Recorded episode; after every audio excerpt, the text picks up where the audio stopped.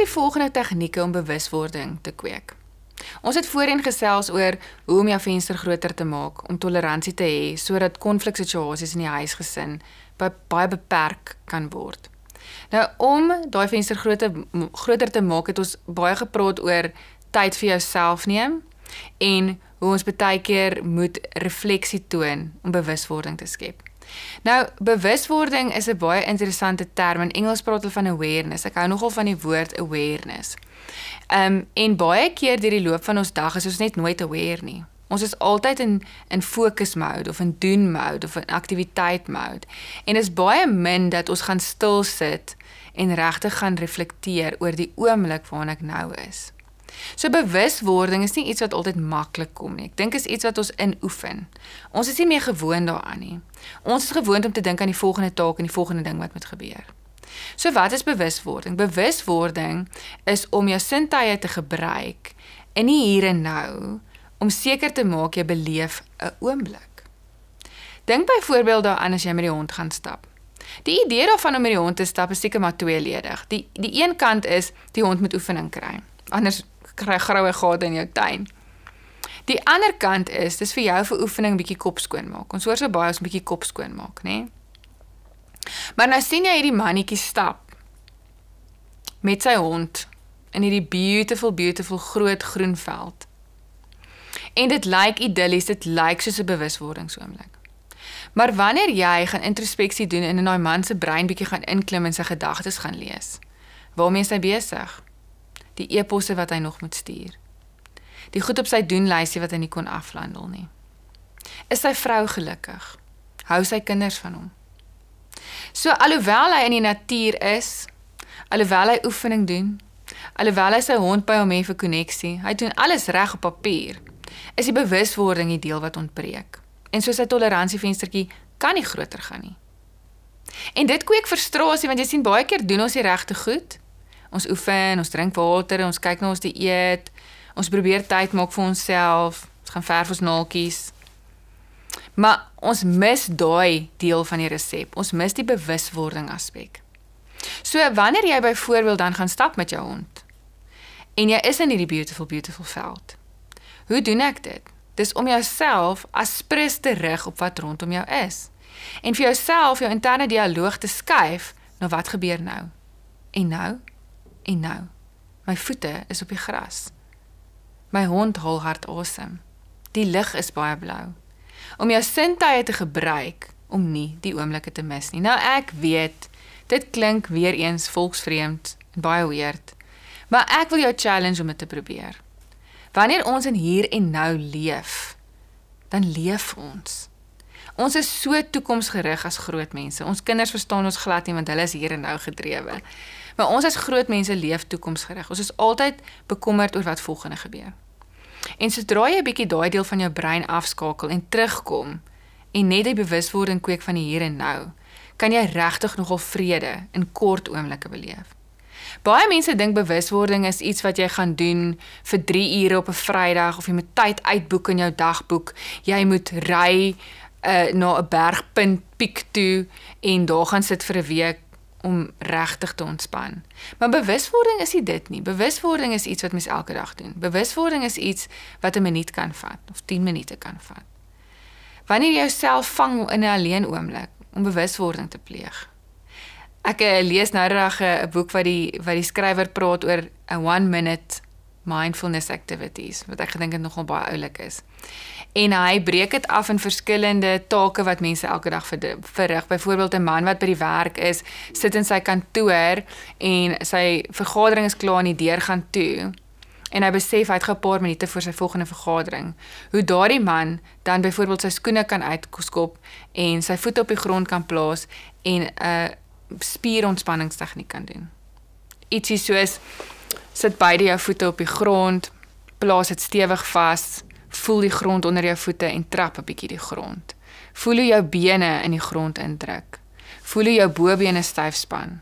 Voel hoe jou maagspiere styf span. Voel hoe jou skouers optrek en aftrek. Voel hoe jou arms oop toe gaan. Deur van jou tone tot jou kop, elke deel van jou lyf te roep om iets te doen en dan te ontspan, is 'n bewuswordingstegniek wat 2, 3, miskien 4 minute kan neem. Maar dis 'n oomblik wat jy jou sensories aktiveer. En onthou wat ons gesê het rondom die brein en die lyf. As my lyf ontspan, gaan my stres en my angs minder word. Jou toleransiefenster gaan groter word. So bewuswording oomblikke kan goedjies wees soos by die werk in die kantoor sit. Dit kan ook wees 'n vrou wat skottelgoed was. Sy's by die huis die oggend besig om skottelgoed te was en jy kan terwyl jy skottelgoed was, 'n bewuswording oefening doen. Jy kan voel hoe warm die water is. Jy kan ruik die seep. Jy kan voel hoe die bord in en uit jou hand uitgly.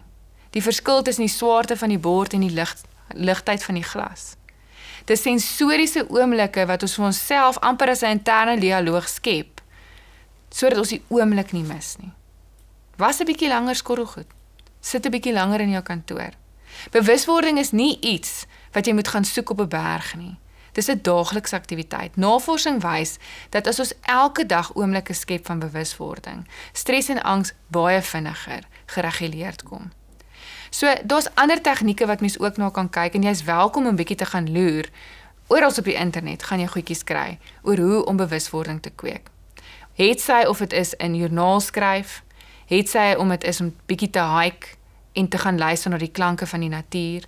Het sy om dit is om in jou bed saans te lê en jou eie beeld te skep. Ons praat van fantasy flights, visualiserings wat jy ook kan toemaak om jou verbeel jy stap langs die see en jy voel die wind in jou hare en jy ruik die see.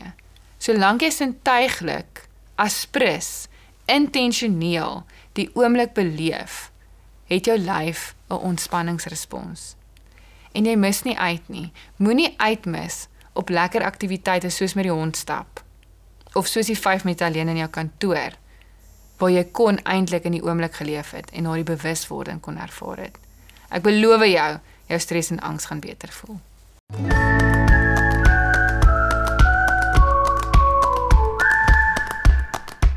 Familietradisies en gewoontes. Ek dink dit is seker iets wat familiewees die lekkerste maak. As jy terugdink aan jou kinderjare, wat onthou jy? Wat was oomblikke wat uitgestaan het? Ek dink baie keer mense het soveel daaglikse goed wat alledaags is, skool toe gaan en dan gaan jy hoërskool toe, dan gaan studeer jy ehm um, mense onthou nie eintlik daai goed nie. Jy onthou nie regtig wat jy in die wiskunde klas in matriek geleer het nie. Mense onthou nie regtig elke oggend se rotines nie. Wat mense wel onthou is die saamwees aktiwiteite, die die tradisies van gesin wees. Die goed wat jou pa altyd gesê het of die goed wat jou ma altyd gedoen het of die vakansies wat julle dalk saam spandeer het of die laat aand fliek kyk. Jy weet so baie keer as mens terugdink aan jou kinderjare, dan is daardie die goed wat mense onthou. Dis wat jou bybly, dis jou binding. En ek dink wanneer mens besef dat gesin wees soms so opgeslurp word deur funksionele tyd, nê? Ons moet nou huis skoon maak, ons moet nou skool toe gaan, ons moet nou huiswerk doen, ons moet nou werk toe gaan. Ons ek meen ons moet daai goed doen. Dis funksioneel. Dat mens so groot deel van familie wees baie keer op uitmis in 'n week. 'n Week gaan verby en mens moet terugdink, waar was ons familie gewees? En ek dink baie ouers worstel met dit want dit kweek gevoelens van skuld en gevoelens van doen ons genoeg? Hou my kinders van my. Ek kan nie vir hulle sê hoe baie ouers in my kantoor kom sit en vir my sê hulle wonder wat hulle hulle kinders van hulle dink nie. Hou hulle van my. Dink hulle ek's 'n lekker ma, dink hulle ek's 'n lekker pa. En ek as mamma wonder baie keer self hoe my kinders my sien. Maar een ding wat lekker werk om familie kohesie en nabyheid en daai geborgenheid waarvan ons gepraat het te bring, is om tradisies en gewoontes te kweek wat goedjies is wat onthoubaar is. Een manier om dit natuurlik te doen is deur iets wat Becky Bailey van praat. Sy sê sy praat van joy juice. Sy sê ons moet baie keer vir mekaar joy juice gee. Dis my so mooi. Sy sê ons vier goedjies in aanraking, ongedeelde aandag, oogkontak en sy praat van 'n playful moment. Dis vir my so mooi, 'n playful moment. En sy sê wanneer ons hierdie vier goedjies as bestanddele gebruik en vir mekaar bietjie joy juice gee, dat ons onmiddellike koneksies kan hê, dat ons onmiddellike tradisie oomblikke kan hê. Sy praat van joy juice as 'n I love you ritual. Sy het baie oulike maniertjies om dit goed te verduidelik. 'n I love you ritual is byvoorbeeld goedjies wat jy doen wat eie is in julle gesin. Hoe julle mekaar groet in die oggend. Hoe jy baie sê by die skool se hek hoe jy waai, hoe jy fistbump, 'n 'n oulike handskud. So daai I love you rituals en joy juice oomblikke is goedjies wat in die beweeg van die dag gebeur. Dis weer eens nie iets wat groot is wat ek my kind vir 5 ure moet vat na 'n speelparkie toe en myself moet laat baalskop vir 5 ure en ek is plat en my kind is plat want ons moet koneksie tyd hê nie dis alledaags, dis in verweef in my doen en late. So joy juice is nogal een van die lekker dinge om te doen om om koneksie en binding te bring wat gewoontevormend is. I love you rituals is gewoontevormend. Die ander aspek waarna mens kyk is daaglikse saamwees oomblikke wat natuurlik na vore kom. Goedjies soos om die etenstafel of op pad skool toe in die motor of pad terug van die skool af in die motor of ehm um, wanneer ons sit en wag vir Boetie wat rugby speel langs die veld. Mense kan daardie oomblikke ook lekker benut. Daar is ook maniere wat jy fop oomblikke kan maak. Met ander woorde, ek sê altyd mense drie familietradisies, een elke dag, een elke week en een elke jaar. 'n Tradisie wat mens elke dag kan doen, is byvoorbeeld saam eet saam sonder tegnologie. Of om ons het nou hierdie nuwe tradisie begin in ons gesin wat so lekker is. Ons het besluit om oggends skool toe te stap, soggens skool toe te stap. Ehm um, ons kinders se skole is redelik naby mekaar en dis 'n 20 minute stappie as jy nou na beide skole toe moet stap. Maar hulle geniet dit so want in daai stap kry ons vars lug, is lekker koud in die oggend, 'n koue lug slaan jou so jou lyf is wakker. Ehm um, dis geselsies op pad skool toe en grappies en huppelkepippel en dis vreeslik lekker. So dit is dis byvoorbeeld 'n tyd van die dag wat ons nie op kompromie trek nie. Tussen 7:00 en kwart oor 7 stap ons skool toe. Ons is bevoorreg om 'n omgewing te bly waar ons dit wel kan doen. So dis iets wat ons daagliks kan doen. Wat kan mens elke week doen? Goedjies soos Sunday night movie night of jy weet elke Vrydag aand braai pappa of Woensdae aand speel ons bordspeletjies. So wat is iets wat jy elke dag kan doen? Wat is iets wat jy elke week kan doen? En dan een keer 'n jaar. Wat doen julle op spesiale dae? Het sy Kersfees? Het sy 'n verjaarsdag? Het sy 'n sekere vakansie deur die jaar, Desember vakansie of Junie vakansie of Maart vakansie? Watter tradisie kan ons dan kweek? Familietradisies is geweldig belangrik want dit maak op vir die logistieke funksionaliteit wat wat amper verbygaan sonder dat ons dit kan notice of kan stop. Hierdie tradisies lig die oomblikke uit wat ons weer aan mekaar vasbind. Ek sien elke keer na vakansie wanneer ons baie tyd met ons kinders spandeer het, hoe selfs hulle konsentrasie, gedrag, goedjies wat hulle baie keer pla en irriteer, net opgelos is deur die koneksie oomblikke wat ons met hulle het. Daar's 'n baie interessante studie wat gedoen is in Brittanje wat hulle gehardloop het van die vroeë 1900s tot in die vroeë 2000s. En ehm um, ek het onlangs 'n TED Talk geluister waar die een van die navorsers praat oor die resultate van die studie. En wat baie interessant is, hulle twee hooftemas ehm um, uitgedui oor families wat wat die sukses van mense verseker. So die studie het gaan kyk na hoe families funksioneer en hoekom sekere mense binne 'n gesin baie goed vaar in die lewe en ander kinders of mense nie goed vaar nie. Die een grootste die nommer 1 ding wat uitgelig was is nou ongelukkig en is nogal bietjie hartseer ekonomiese kondisies. So gesinne wat wat sukkel met armoede, ehm um, het natuurlik ook die nagevolg gehad van sosio-emosionele ontwikkeling en verdere lewenssukses. Dit was die grootste een. En dis die hartseer een. So ons ons ons as 'n as 'n wêreld werk saam hopelik om dit teen te spreek. Maar die tweede een wat hier relevant is, is die rol van ouerskap en ouerskapstyle in die ontwikkeling van die kind. En weer eens plaas dit groot druk op ons as ouers om te weet hoe ek my familie en my gesin bestuur, bepaal my kind se lewenspaadjie, bepaal hoe emosioneel, sosiaal, finansiëel suksesvol hulle gaan wees eendag. En dit is 'n groot verantwoordelikheid. So wat die studie toe ingesluit is om te kyk maar wat doen suksesvolle kinders se ouers in hulle kinderjare? Wat is die patrone wat ons kan raak sien wat ouers doen om hierdie sukses te verseker binne die familie? En dit was klein goedjies. Dis presies die goedjies wat ons nou gesê het. Klein goedjies soos ouers wat vir hulle kinders gelees het, boekies gelees het. So ons by hulle in die bed gespring het en gesê kom ons lees 'n boekie. Dis ouers wat belangstelling getoon het in die kinders se skolastiese ontwikkeling, wat uitgevra het oor skoolwerk. Waar is jou boeke? Het jy dit ingepak? Waar waaroor moet jy leer? Wat het vandag by die skool gebeur?